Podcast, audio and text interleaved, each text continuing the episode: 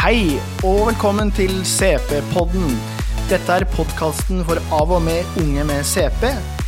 Jeg heter Joakim Løberg, og i studio har jeg med meg Nordre Spillingøvreng. Og Stine Dybvik.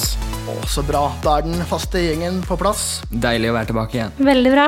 Det er det så absolutt. Men dere, dette er jo episode to. Episode én den kan man finne på Soundcloud og iTunes. I forrige episode så diskuterte vi dette med leilighet, og Stine, da bodde ikke du for deg sjøl. Det er riktig. der har det skjedd en endring. Det er også riktig. Jeg har fått meg leilighet. Gratulerer. Takk for det. Takk for det. Nå blir det juridisk bibliotek. Ja, så artig. Men du, Snorre, du sitter litt med beina i begge leire, eller? Ja, jeg er på flyttefot, jeg òg, så jeg har litt kasser om dagen i livet. Så nå bruker du et kvarter på å finne hver sokk nå, da, eller? Nei, jeg har eh, kasser, men jeg har fortsatt system. Så bra. Og med meg så har det ikke skjedd noe spesielt. Det er fortsatt det samme gode gamle. Samme gamle. Samme gode gamle, vet du. Denne sendingen dere, den skal handle om vennskap, kjærlighet og sex. Ja, gutter. Eh, dere har jo vært eh, venner veldig lenge. Ja. Jeg tror eh, dere har vært venner i 15 år eller noe sånt. Ja, det begynner å nærme seg det, ja. Kan stemme, det. Det er utrolig imponerende. Så da lurer jeg på eh, Hvordan ble dere kjent? Og hvordan har dere klart å være venner så lenge? Vil du ta den, eller, Snorre? Ja, jeg kan begynne, i hvert fall. Eh, det som skjedde, var jo at vi var eh, litt sånn eh, ofre for eh, arrangerte vennskap, kan du jo si. Eh, fordi at vi var begge deltakere på eh, CP-foreningens eh, barneleir. Mm. Da for 15 år siden. Og Ja. da var det sånn at eh, vi skulle dele rom sammen på denne leiren. Ja, det stemmer det. Eh, Det var jo min første leir, og da var jeg vel kommet inn der for å begynne å rigge, og så kom Snorre. Og da tror jeg jeg satt og gomla på en smågodtpose, så fikk jeg streng beskjed om å dele med deg, og det var vel nesten sånn det hele starta, tror jeg. Ja, jeg tror smågodtet har litt, uh, litt av æren der. Men Dere eh, bonda over smågodt, rett og slett. Det går faktisk an, det, altså. vi kan si det sånn. Ja, nei, men uh, det var starten på et uh, vanvittig flott vennskap. Og det handler jo litt om at vi hadde en arena eh, på CP-leir mm. for oss, for vår del, da. Men, men vi fant rett og slett tonen, og for meg så var det veldig det her med å finne en eh, gutt i samme situasjon som meg sjøl. Du satt i rullestol, du var omtrent på samme alder, hadde de samme opplevelsene. Du skjønte hva jeg snakka om når jeg snakka om hvordan det var å være meg. Og jeg følte veldig at her kan jeg være meg sjøl, og ikke må prøve å være noen andre enn den jeg egentlig er. Og så hadde vi vel også en del felles interesser, blant annet musikk. Eh, Jeg husker at hvert år når vi var sammen der, så hadde jo vi ansvaret for å styre denne avslutningen der, hvor jeg var konferansier og du styrte lyden. Så jeg husker jeg var omtrent helt avhengig av deg. Jeg husker jeg var livredd for at jeg skulle komme på leir og ikke du var der, hvor du da kunne styre lyden og ha full kontroll. Så Snorre var din høyre hånd, på en måte. Det kan man trygt si, ja. Ja, jeg tror vi var litt eh, høyrehender for hverandre. Men, men jeg tror eh, det det handler om der, er rett og slett dynamikken og tryggheten i hverandre som er så ekstremt viktig. Det er jo litt eh, morsomt det dere sier om miksebord. fordi jeg ble jo kjent med dere på et eh, senere tidspunkt, men det var jo da på en annen leir. Og da husker jeg at jeg tenkte at eh, åh, de der var noen utrolig kule karer, da. Og dere satt alltid bak miksebordet og styrte lyden på disko. Eh, Det virket litt sånn uoppnåelig da, å bli venn med dere da. Men så ble jeg jo kjent med dere senere i CEP-foreningen, og da skjønte jeg jo at dere var jo ikke bare kule karer, dere var jo også veldig hyggelige karer. Takk for det. Tusen takk. Så, men så er det jo dette her dere sier at dere har vært venner faktisk i 15 år. Ja. Og det må jo sies at dere bor ikke akkurat ved siden av hverandre. Nei, vi er ikke naboer, akkurat. Nei, vi, vi, vi er ikke det nå. Vi var heller ikke det da. Så der er det en stor takk til eh, foreldre som har fungert litt som private taxier og åpna hverandres hjem for at vi kunne komme på besøk, og lagt til rette for ting for at vi nettopp skulle ha arenaer og kunne besøke hverandre utafor de her faste tinga som ofte da leire eller andre sånne fellesarenaer var. Ja, avstand skulle ikke være noe problem. Og hvis dere skal oppsummere, hva er på en måte årsaken til at dere faktisk er venner den dag i dag, 15 år senere? Det er vel fordi at eh, vi er de samme gode gamle, og vi har de samme interessene, og vennskapet har holdt ut. og jeg er utrolig glad for at jeg har fått blitt venn med Snorre.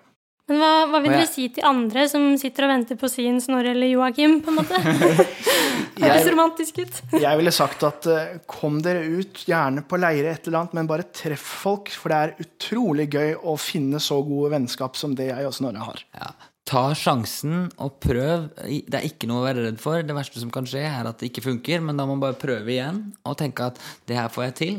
Og, og det er det som på en måte gjør det, og så går resten av seg sjøl. Du ser jo åssen jeg og Joakim har blitt venner nå. Det var ikke noe mer enn en smågodtpose og litt eh, arrangerte opplegg der, så var det i orden.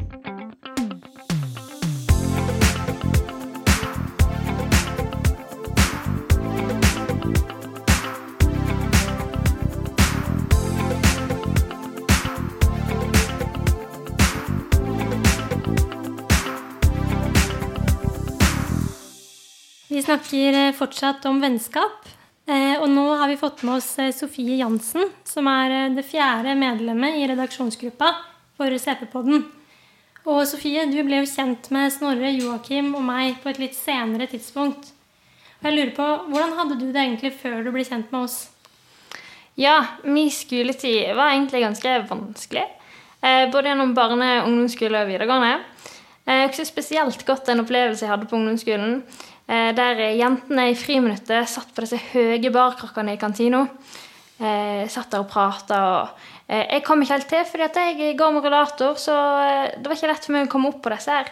Så da risikerte jeg da at jeg sto og hørte på at de Eller for å prøve å være med i samtalen.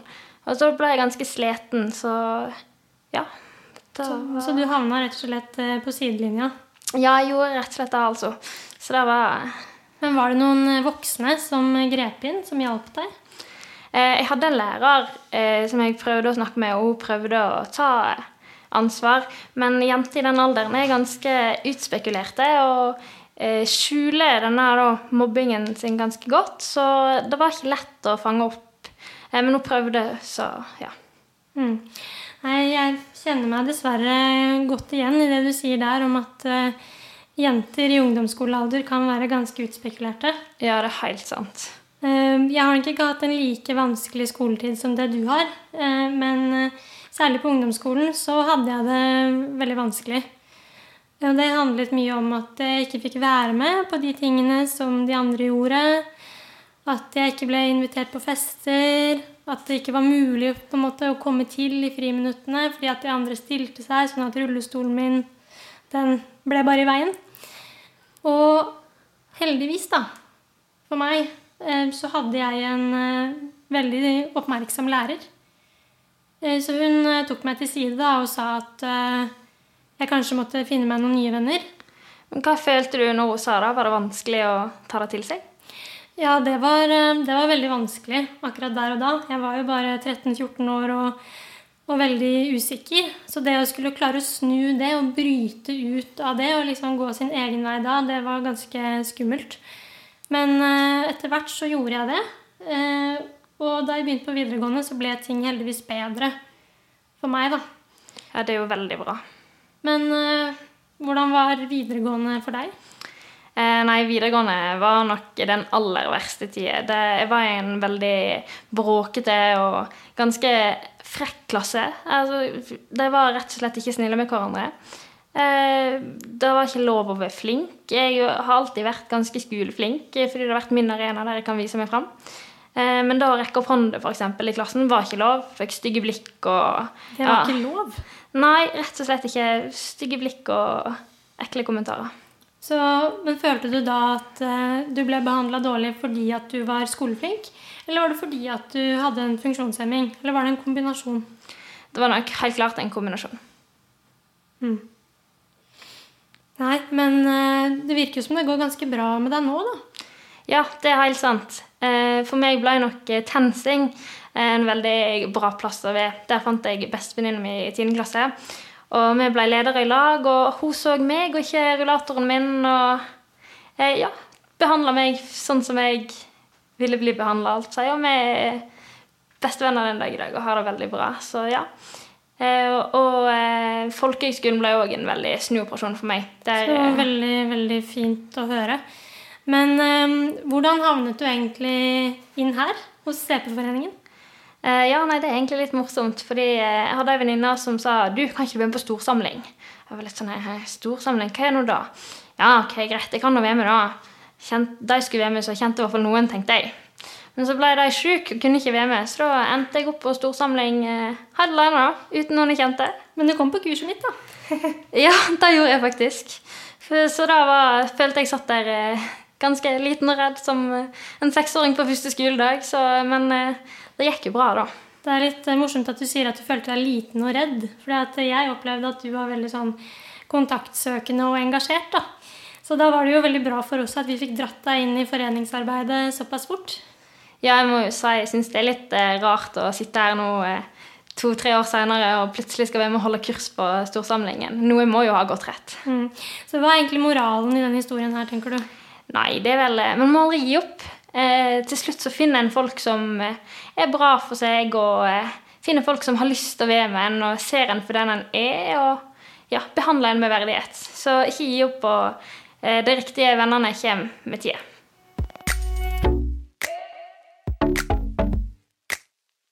Gode vennskap de kan jo veldig ofte utvikle seg til noe mer. F.eks. kjærester. Men for oss som har vært ute av gamet en stund og har glemt åssen dette her fungerer, så må vi starte litt lenger bak. Men hvordan var det når dette med sjekking fungerte igjen? Vi sendte Johannes Lofsgaard ut på gata for å få noen sjekketriks. Har du et eh, bra sånn sjekketriks til meg som kan eh, komme som tips? Ja, karaoke. Det er alltid bra sjekketriks. Synge damene i sekk. Ja, invitere til en sånn duett, vet du. Det er humor, ja.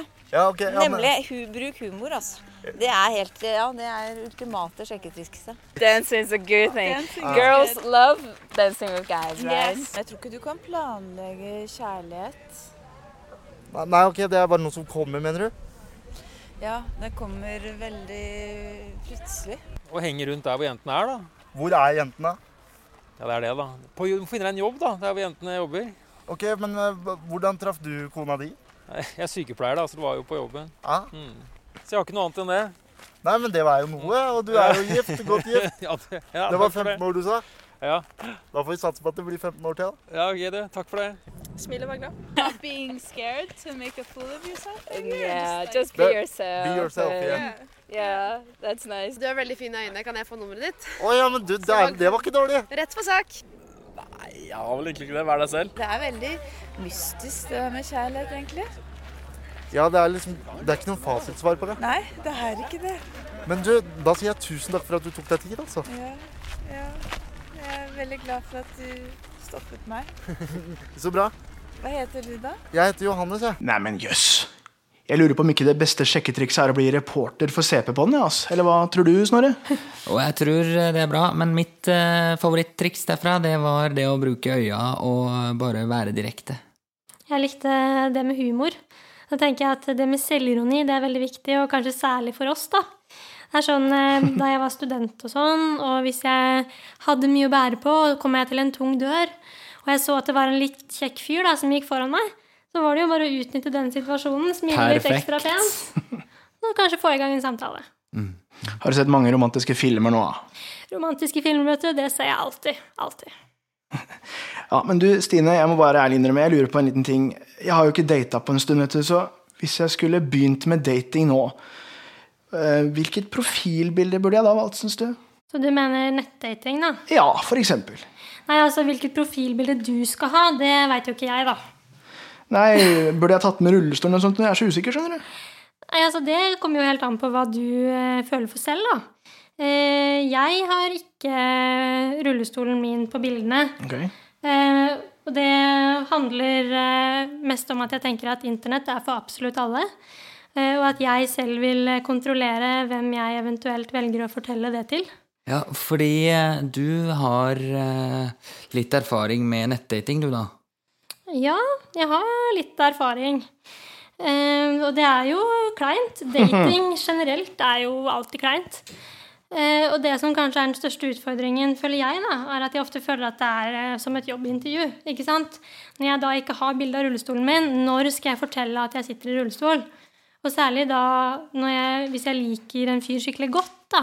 Mm. eh, når jeg er på en måte for seint ute. Tok det lang tid før du valgte å fortelle om det, eller? Eh, det hender at det tar ganske lang tid, ja. At jeg må føle meg veldig trygg på personen. Okay. Særlig eh, Jeg var jo da på eh, noen dater, og i forbindelse med det så fortalte jeg det jo nesten rett før daten. Og da tenkte jeg liksom ok, nå, det her er eh, deal-breaker, liksom. Så da ble jeg veldig overraska da han fortsatt ville møte meg, og da ble jeg sånn «Åh, Hva gjør jeg nå? Oi, oi. Det ble flere runder, altså? Eh, det ble flere dater, ja. Men, men hva kommer det at du ble så overraska, tror du? Eh, Jeg tror det handlet mye om eh, fordommer hos meg selv. da. At eh, jeg var så forberedt på å bli avvist. fordi at i det samfunnet vi har i dag, så føler jeg veldig at folk hele tiden er på jakt etter det tilsynelatende perfekte. Sånn at når man er på Tinder, så er det ikke liksom en jente i rullestol man leter etter, akkurat. Nei, men du er jo perfekt, så det er jo ikke noe problem. Åh.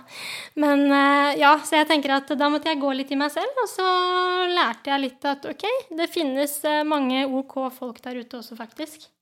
Men eh, Så det blei ikke noe med den daten, altså? Så du er fortsatt singel, du da, eller?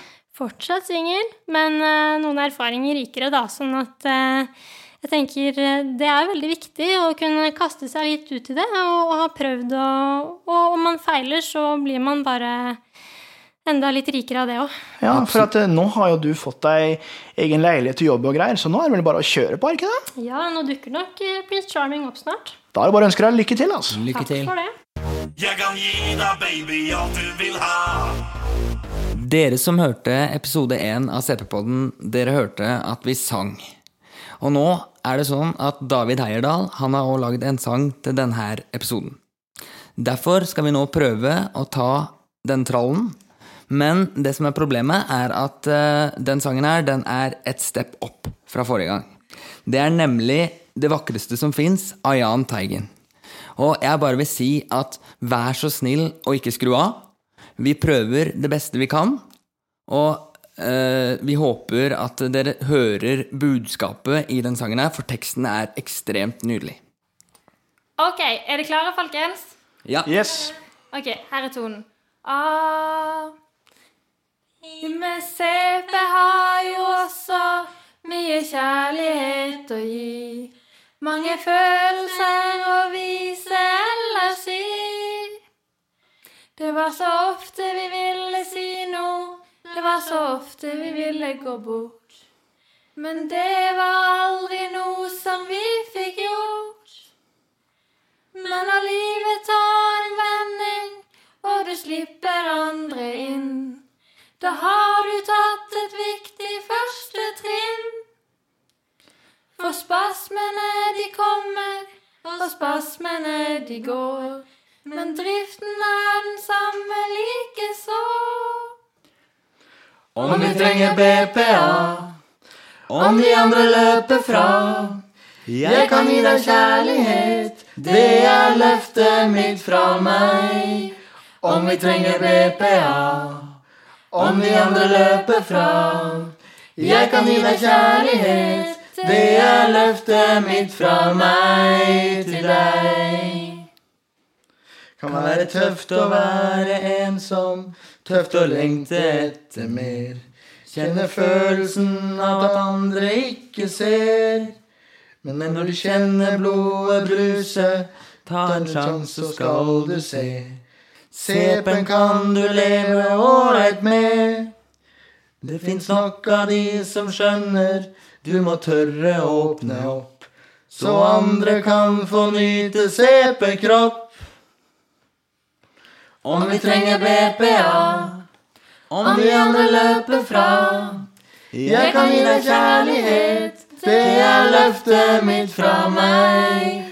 Om vi trenger BPA, om de andre løper fra. Jeg kan gi deg kjærlighet, det er løftet mitt fra meg til deg.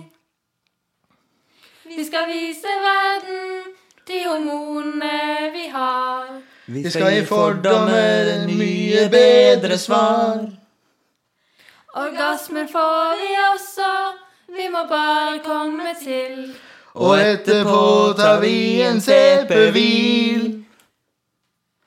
Om vi trenger BPA, om de andre løper fra.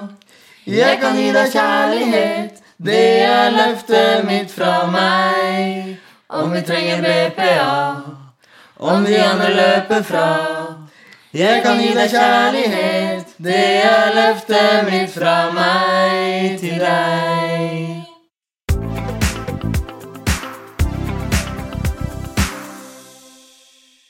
Nå skal vi over til et eh, viktig eh, og veldig personlig tema, som er ganske vanskelig for mange, nettopp fordi at det er ganske kleint. Og det vi skal snakke om, det er jo da sex. Eh, derfor har vi fått inn en fagperson for å svare på noen spørsmål. Yvonne Dollonen, velkommen til deg. Du jobber som brukerkonsulent på Sunnaas. Og du er også sexologisk rådgiver og sitter selv i rullestol. Nå har vi samlet sammen noen spørsmål som vi vet at eh, mange unge med CP lurer på. Så eh, før vi begynner, er det noe du har lyst til å si sånn helt innledningsvis? Vil bare si hei til alle sammen. Tusen takk for invitasjonen, og jeg gleder meg kjempemye. Veldig hyggelig å ha deg her. Så da begynner vi bare å fyre løs. Eh, Det er jo mange som tenker på sex som samleie. Men sex kan jo være veldig mye mer enn det. Kan du si litt rundt det? Ja, sex kan være veldig mye. Ehm, eh, Det kan være så mye at det kan være nyttig at man spesifiserer litt hva man mener når man snakker om sex. Når jeg søkte på nettet før jeg kom hit, så søkte jeg 'hva betyr sex'? Og da får du opp ganske mange rare ting. På ung.no så sto det f.eks. Eh, at sex var eh, kos uten klær. Og da tenkte jeg man kan jo ha sex med klær på også. Man kan jo er kyssing f.eks. sex. Du har liksom alt fra kosing og kyssing til samleie. Eh, og samleie betyr det liksom en eh, penis inni en skjede. Hvordan er det da for eh, homofile, f.eks.? Eh, kan dem ha samleie? Kan dem ha sex? Eh, sånn at du har masse forskjellige nyanser. Så jeg tror at hvis man skal snakke om det, så må man spesifisere mer hva det dreier seg om. Jeg vet ikke, det er sikkert forskjell for alle dere også, hva dere legger i begrepet. Men eh, hvis jeg har en del spørsmål rundt sex, kanskje fordi jeg sitter i rullestol og er litt usikker osv., hvem er det jeg da kan kontakte? Eh, Da ville jeg gått sånne vanlige veier, som alle mennesker gjør. Eh, De fleste vil spørre fastlegen sin. Eh, Gå til fastlegen og, og legge frem spørsmål eller utfordringer der. Men eh, hva gjør jeg da hvis jeg føler at jeg ikke får et eh, godt svar hos eh, fastlegen? Du kan også høre med andre i samme situasjon, noen som har funnet, funnet ut av ting før, før du har gjort det. Spør noen med CP, kanskje. Mm. Du kan òg google, på, google på nettet og se hva du finner ut der. På helseinstitusjoner er det også noen plasser utdanna eller ansatte sexologer som man kan spørre, spørre der.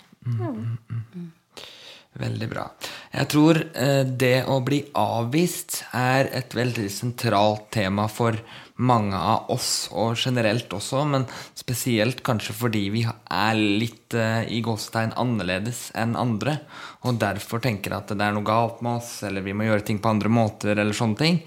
Eh, har du noen tanke om liksom hva kan du gjøre for å Hvis du er funksjonshemma og er redd for det å bli avvist, hva, hva, hva kan man da gjøre for å unngå den tanken og la det ødelegge for en, da, på en måte? Mange vil jo kanskje ikke tørre å gå inn i en relasjon fordi man er redd for å bli avvist. Så det vil vi jo forhindre. Og vi vil jo at folk skal ta en sjanse. Eh, og da er en lur, annen lur ting å tenke er hva er det verste som kan skje? Eh, det verste som kan skje, er jo at du ikke tar en sjanse. Så du må prøve. Men så kan man tenke hva er det det gjør med oss, det at vi blir avvist? Er, hvorfor er det så ille, liksom? Jeg tror nok det for min del, i hvert fall sånn som jeg tenkte det, var å tenke den tanken at du ikke er bra nok. Fordi at han har en sånn generell tanke om at sånn og sånn skal det være. At samfunnet på en måte generelt har lagd en oppfatning av at sånn skal det være. Og jeg tror For min del så var det det jeg tenkte på når jeg sa det med avvisning, i hvert fall. Um, så, så jeg tror det på en måte er det som kanskje sitter hos mange. I hvert fall hos meg så er det sånn. Og det kan nok sikkert være veldig tungt der og da, og derfor så kvier man seg veldig for det. Men hvis man tar sjansen, så kan man jo komme styrket ut av det etterpå, da. Det kan hende det var en fin samtale eller en, en fin greie så lenge det varte. Men så ble det ikke noe mer. Vi vil jo alle bli begjært og beundra av alle sammen. Det er jo en digg følelse at noen bare vil ha deg. Helt.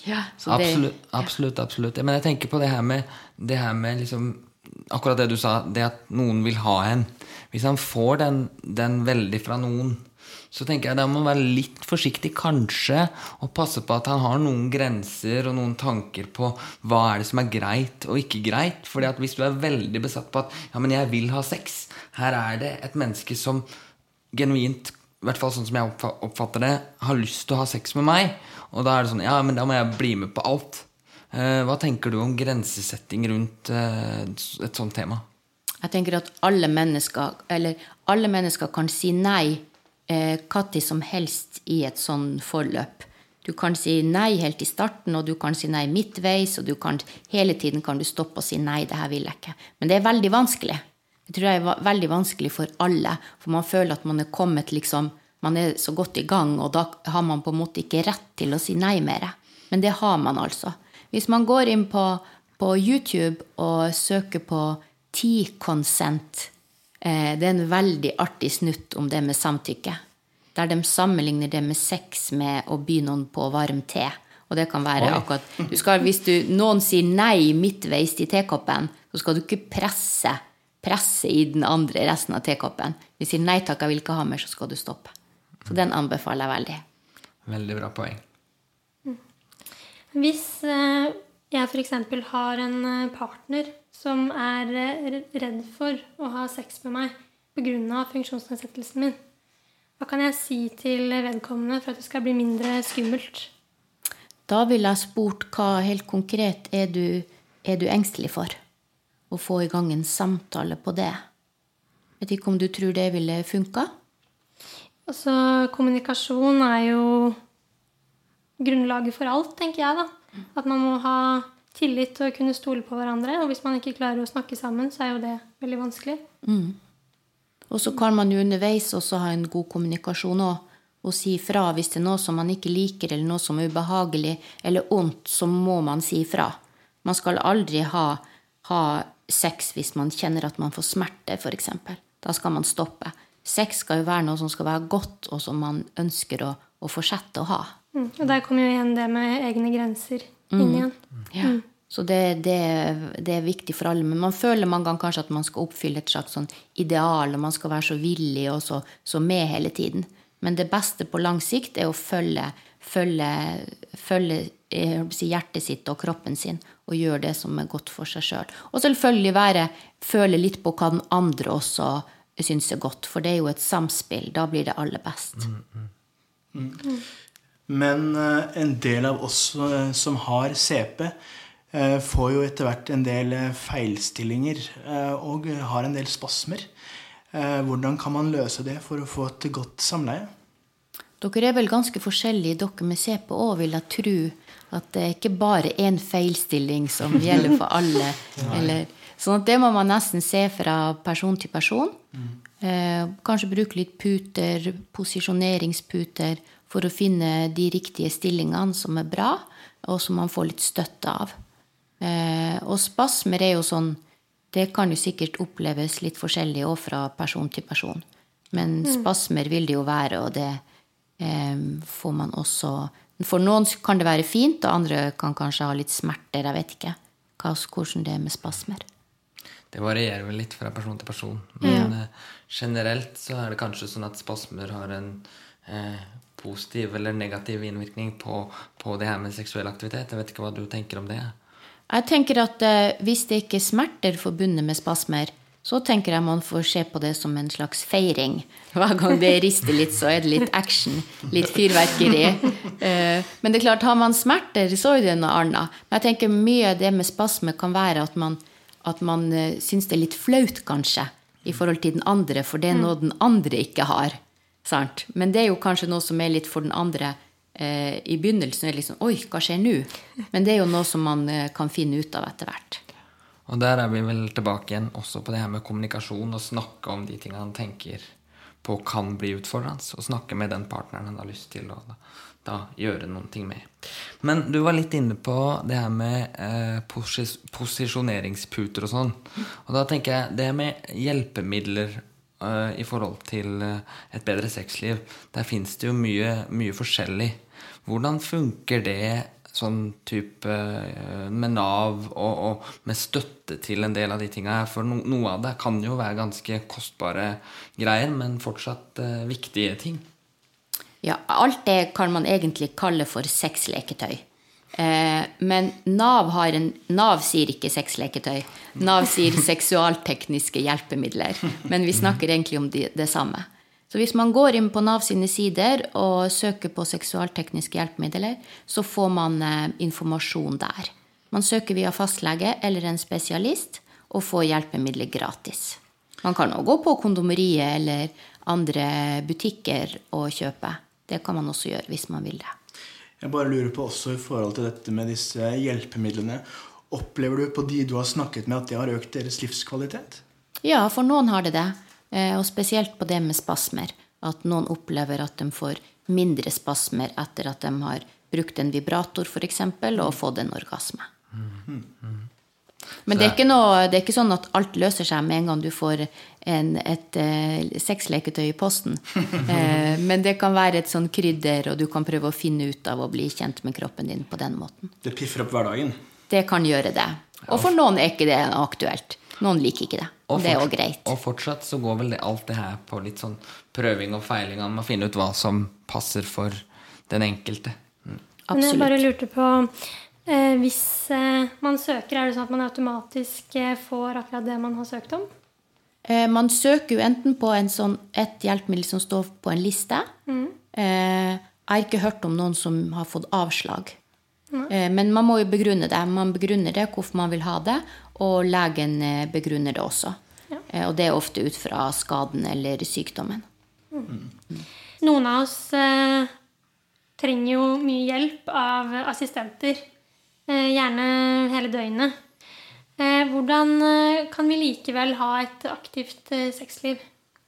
Det spørs jo helt konkret hva du ønsker hjelp til, da. Kan du nevne noen eksempler på det? Hvis man f.eks. sliter med å bruke armene. Når man skal onanere, da, f.eks.? Ja, f.eks. Ja. Eh, det er jo eh, ikke helt klare grenser på hva eh, man kan ha rett til å få hjelp til og ikke. Så da må man gå helt inn i konkrete avtaler med den som er assistent. Men man kan ikke i Norge Det er jo ikke lov å få, få helt få hjelp til å ha sex. Sånn at en eh, assistent kan ikke onanere, eh, onanere deg f.eks. med hendene sine. Mm. Så man kan komme inn og kanskje skru på et vibrasjonsapparat f.eks. Mm. Så la oss si at det er det man trenger hjelp til, at man trenger eh, hjelp til, til, det. Så kan man lage, gå ut fra å lage en skriftlig avtale. Eh, sånn at alt er helt klart, og så kan man også eh, evaluere etterpå hvordan det var. For det her er jo en aktivitet som man forhåpentligvis vil gjøre flere ganger. Og da er det veldig greit at, at eh, begge parter føler seg, føler seg ivaretatt. Så man kan ikke eh, Du, Stine, kan på en måte ikke legge an på assistenten eh, når du gjør det. For det her skal være noen som kommer inn med, med praktisk hjelp, slår av og på, eh, og that's it. Så det, er på en måte ikke noe, det skal ikke være noe seksuelt mellom den som trenger hjelp, og den som yter hjelpa. Eh, jeg har lyst til å komme med et eh, konkret eksempel her som eh, jeg lurer på. La oss si f.eks. at jeg hadde vært en tur innom kondomeriet. Hadde kanskje kjøpt noe, så kommet ut igjen. Og så var det en fyr som så meg, som kom bort til meg og sa Jøss, jeg ser at du har vært en tur innom kondomeriet, men kan du ha sex, da? Og da tenker liksom jeg at ja, selvfølgelig kan jeg det. Men jeg blir jo litt perpleks, for det er liksom ikke noe man vanligvis spør om. Hvordan ville du anbefalt meg å takle den situasjonen? Ja, Da vil jeg spørre deg hva du ville svart. Nei, jeg ville vel svart at eh, ja, selvfølgelig kan jeg også ha sex. Liksom. Jeg hadde ikke tenkt noe videre over det. Men personen kan jo f.eks. bare spørre fordi han er nysgjerrig. Det trenger jo ikke være fordi han vil rakke ned på deg. liksom. Nei, Antagelig er han nysgjerrig, men allikevel så er det et litt frekt spørsmål, egentlig. Mm. For man går ikke bort til andre eh, som ikke sitter i rullestol, f.eks., og spør kan du ha sex. Så det er litt sånn eh, Den vil jeg nok kanskje vært kanskje litt frekk tilbake. Enten så kan du si ja, og så kan du si 'kan du ha sex'? Og så spørs det jo hva mener den personen. Er det eh, sex med seg sjøl, eller er det sex med andre? Og hva skal egentlig til for å ha sex? Jeg skjønner aldri helt det spørsmålet. Jeg blir liksom, hva, hva, hva er tanken bak at folk stiller det spørsmålet? Selvfølgelig er det en som du liker veldig godt, en jente eller gutt som spør deg om det, så er det jo bare fi, et fint utgangspunkt for en spennende samtale. Ja, Eh, Nå har vi snakket eh, veldig mye om sex eh, og det å ha sex. Så jeg bare lurer på om det er noe spesielt du har lyst til å si til oss og lytterne helt på tampen? Ja, det vil jeg gjerne gjøre. Jeg tenker at det er smart hvis man begynner å tenke på seg sjøl eh, og hva man liker. Eh, å gå for, eh, gå for indre sjarme syns jeg er en veldig fin greie. For det er noe som varer for evig, og kroppen får falle for alle sammen. Si fine ting til seg sjøl, og uh, at vi er vakre alle sammen. Veldig veldig godt poeng, og det tror jeg kan, kan, hjelpe mange til å ikke nødvendigvis ha så veldig fokus på det ytre og det som verden rundt har en tanke om at det er sånn og sånn skal det være. Mm, det som vi også har snakket om en del her i dag, er jo det at sex er mye mer enn én ting, og at det er viktig å huske på. Mm. Og det er ikke alle som har sex med en annen person. Eh, og det er ikke alle som har sex, og noen har sex med seg sjøl. Det er veldig stor variasjon der. Og det er helt greit. Jeg tenker folk må få lov å ha sex på den måten de føler de har sex. Og på en måte det er ikke noe som er gærent eller eh, riktig. Det er i hvert fall mye av det jeg sitter igjen med etter denne flotte samtalen med deg. Så tusen takk til deg. Det har vært en veldig spennende samtale. Tusen takk. Det har vært veldig inspirerende. Takk for at du kom. Takk i like måte.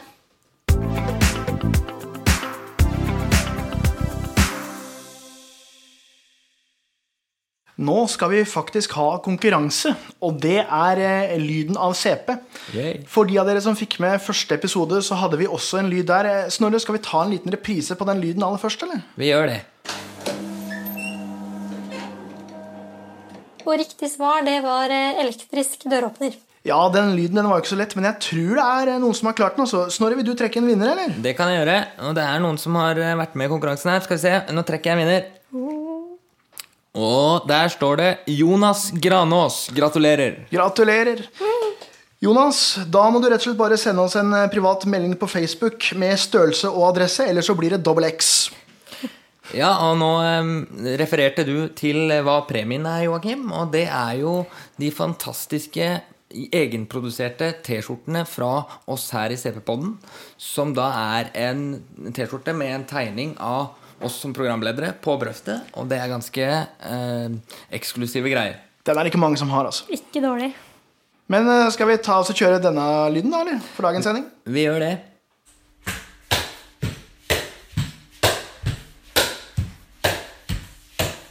Ja, den var jo ikke så, var ikke så lett, den heller. Skal vi gi noen tips, eller? Ja, vi kan gjøre det. Det er eh, noe som kanskje de fleste av oss har hatt i større eller mindre grad, vil jeg si. Den kommer og går. Kommer og går, ja. Men lykke, lykke til. Og husk å bruke eh, Facebook-sidene våre for å delta i konkurransen. Vi trekker eh, ny vinner neste episode. Så eh, husk å bruke Facebook-sidene til unge, eh, arbeidsgruppa til unge med CP, eller e-postadressa cpu at cp.no, og merk det med konkurranse. I denne sendingen her så har vi snakket eh, mye om sex og kjærlighet. Og det viser seg at også godt eh, voksne mennesker har en mening om dette. Eh, Vi har snakket med Evy Halseth, en av de litt eldre i CP-foreningen. Og hun har laget et veldig fint kåseri til oss, som vi skal høre nå. Jeg er snart 68 år, og i forhold til mange av dere har jeg levd lenge og opplevd mye. Livet for meg med CP har, som for de fleste, vært oppturer og nedturer, gleder og sorger. Jeg vokste opp på Vålerenga i Oslo og gikk på Kampen skole med over 1000 elever, og ble mye ertet fordi jeg gikk så rart. Det var først som tenåring jeg forsto at det kanskje ikke jeg var like mye verdt som de andre, at jeg faktisk ikke var attraktiv som kjæresteemne. Jeg var vel rundt 13 år da vi begynte å se på hverandre som mulige kjærester. Det var vanlig å spørre den du likte om vi skulle være sammen, og jeg husker jeg fikk dette svaret den første gangen. Ja, Du er jo ganske pen, hadde det ikke vært for de beina. Det var smertefullt å høre, men så kapret jeg litt senere den kjekkeste gutten i gata, en som ikke så de dumme beina. Og etter hvert fikk jeg stadig bedre selvtillit. Selv om denne ungdomsforelskelsen gikk over, traff jeg andre ungdommer, fikk både venner og kjærester. Jeg var redd for ikke å være god nok og ikke lykkes i det å få en kjæreste. Dette føltes til at jeg i prosessen med å bli kjent med en ny gutt altfor raskt gjorde han til min oppi hodet mitt og skremte ham vekk, eller jeg kunne havne i sengen med en gutt uten at jeg egentlig ville det, i redsel for at han skulle gå fra meg. Men som alle andre lærte jeg også mye om meg selv og om andre ved å gå på trynet mange ganger, heldigvis uten for store konsekvenser. I forhold til våre liv med CP så er det mange som snakker om de forskjellige behov, om trening og kosthold, men hvem snakker om seksualiteten? Den indre erotiske urkraften som er så viktig for de fleste mennesker. Vennskap er viktig, og man kan også leve et godt og meningsfylt liv uten en kjæreste. Både som venn og kjæreste så er det viktig med gjensidig respekt, ærlighet og ikke minst at man er trygg på hverandre. Det er viktig for alle å lære sin egen kropp å kjenne før man nærmer seg en annens kropp.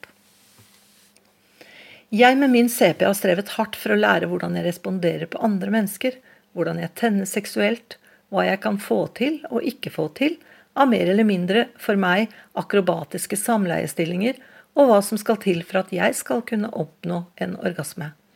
Viktigst er det å ta seg selv litt uhøytidelig, kunne fleipe litt med egne begrensninger og bruke humor til å ta brodden fra klønete situasjoner. Ikke minst mener jeg det er viktig å ta ansvar for sin egen nytelse, trene seg i å kople fokus over fra spasmer og kramper som dukker opp både her og der i denne uregjerlige kroppen, og til gleden og nydelsen i øyeblikket. Vi vet jo at slett ikke alle mennesker oppnår orgasme, med eller uten funksjonshemninger, og seksualitet er jo mye mer enn orgasmer. Som i alt annet, trening gjør mester.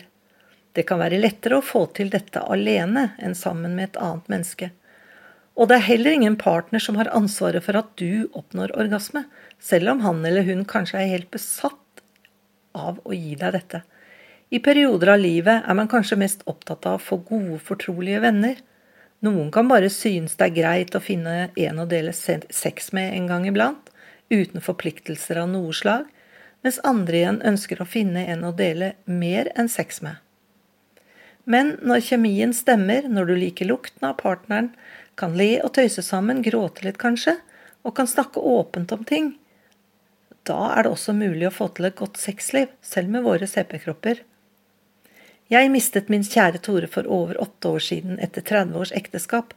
Etter den tyngste tiden alene begynte jeg å lete litt etter en ny nær venn eller kjæreste via nettdating. Og det var en blandet opplevelse, ja. Med mange skuffelser og bitre tårer. For på nytt måtte jeg kjenne på følelsene av ikke å strekke til. Ikke kunne klatre i fjell, gå på ski eller være god nok til å vises frem til familie og venner. Det var nesten som å være på jobbintervju med masse prestasjonsangst hver gang jeg skulle treffe en ny mann. Men etter flere år ble jeg kjent med han som jeg nå er forlovet med. Og for meg er det viktig både å kunne leve et selvstendig liv og ha en kjæreste å dele gode opplevelser med. Og til deg som er ung, så vil jeg si stå på, tro på deg selv, for du er verdifull for den som ser hva som bor i deg. Ja, da var sendinga slutt, men eh, før vi kan gå, har vi noen vi skal takke. Og de er Johannes Loftsgaard, Sofie Jansen, Yvonne Dolonen, David Heierdal og Evy Halseth. Produsentene for denne sendingen har vært Silje Landsverk og Margareta Nikolaisen. Musikk og lyder i denne sendingen er laget av Jesper Borgen og Stian Staismens Torbjørnsen. Teknikeren for denne sendingen har vært CP-poddens egen Henning Bortne. Og i studio satt Snorre Spilling Øvring. Stine Dybvik. Og jeg heter Joakim Løver. Og så må jeg bare minne om at hvis dere vil ha tak i oss, så kan dere sende oss en mail på cpu.cp.no, eller bruke siden vår arbeidsgruppa for unge med CP på Facebook. Og dere, det blir flere podder. Hei da! Ha det!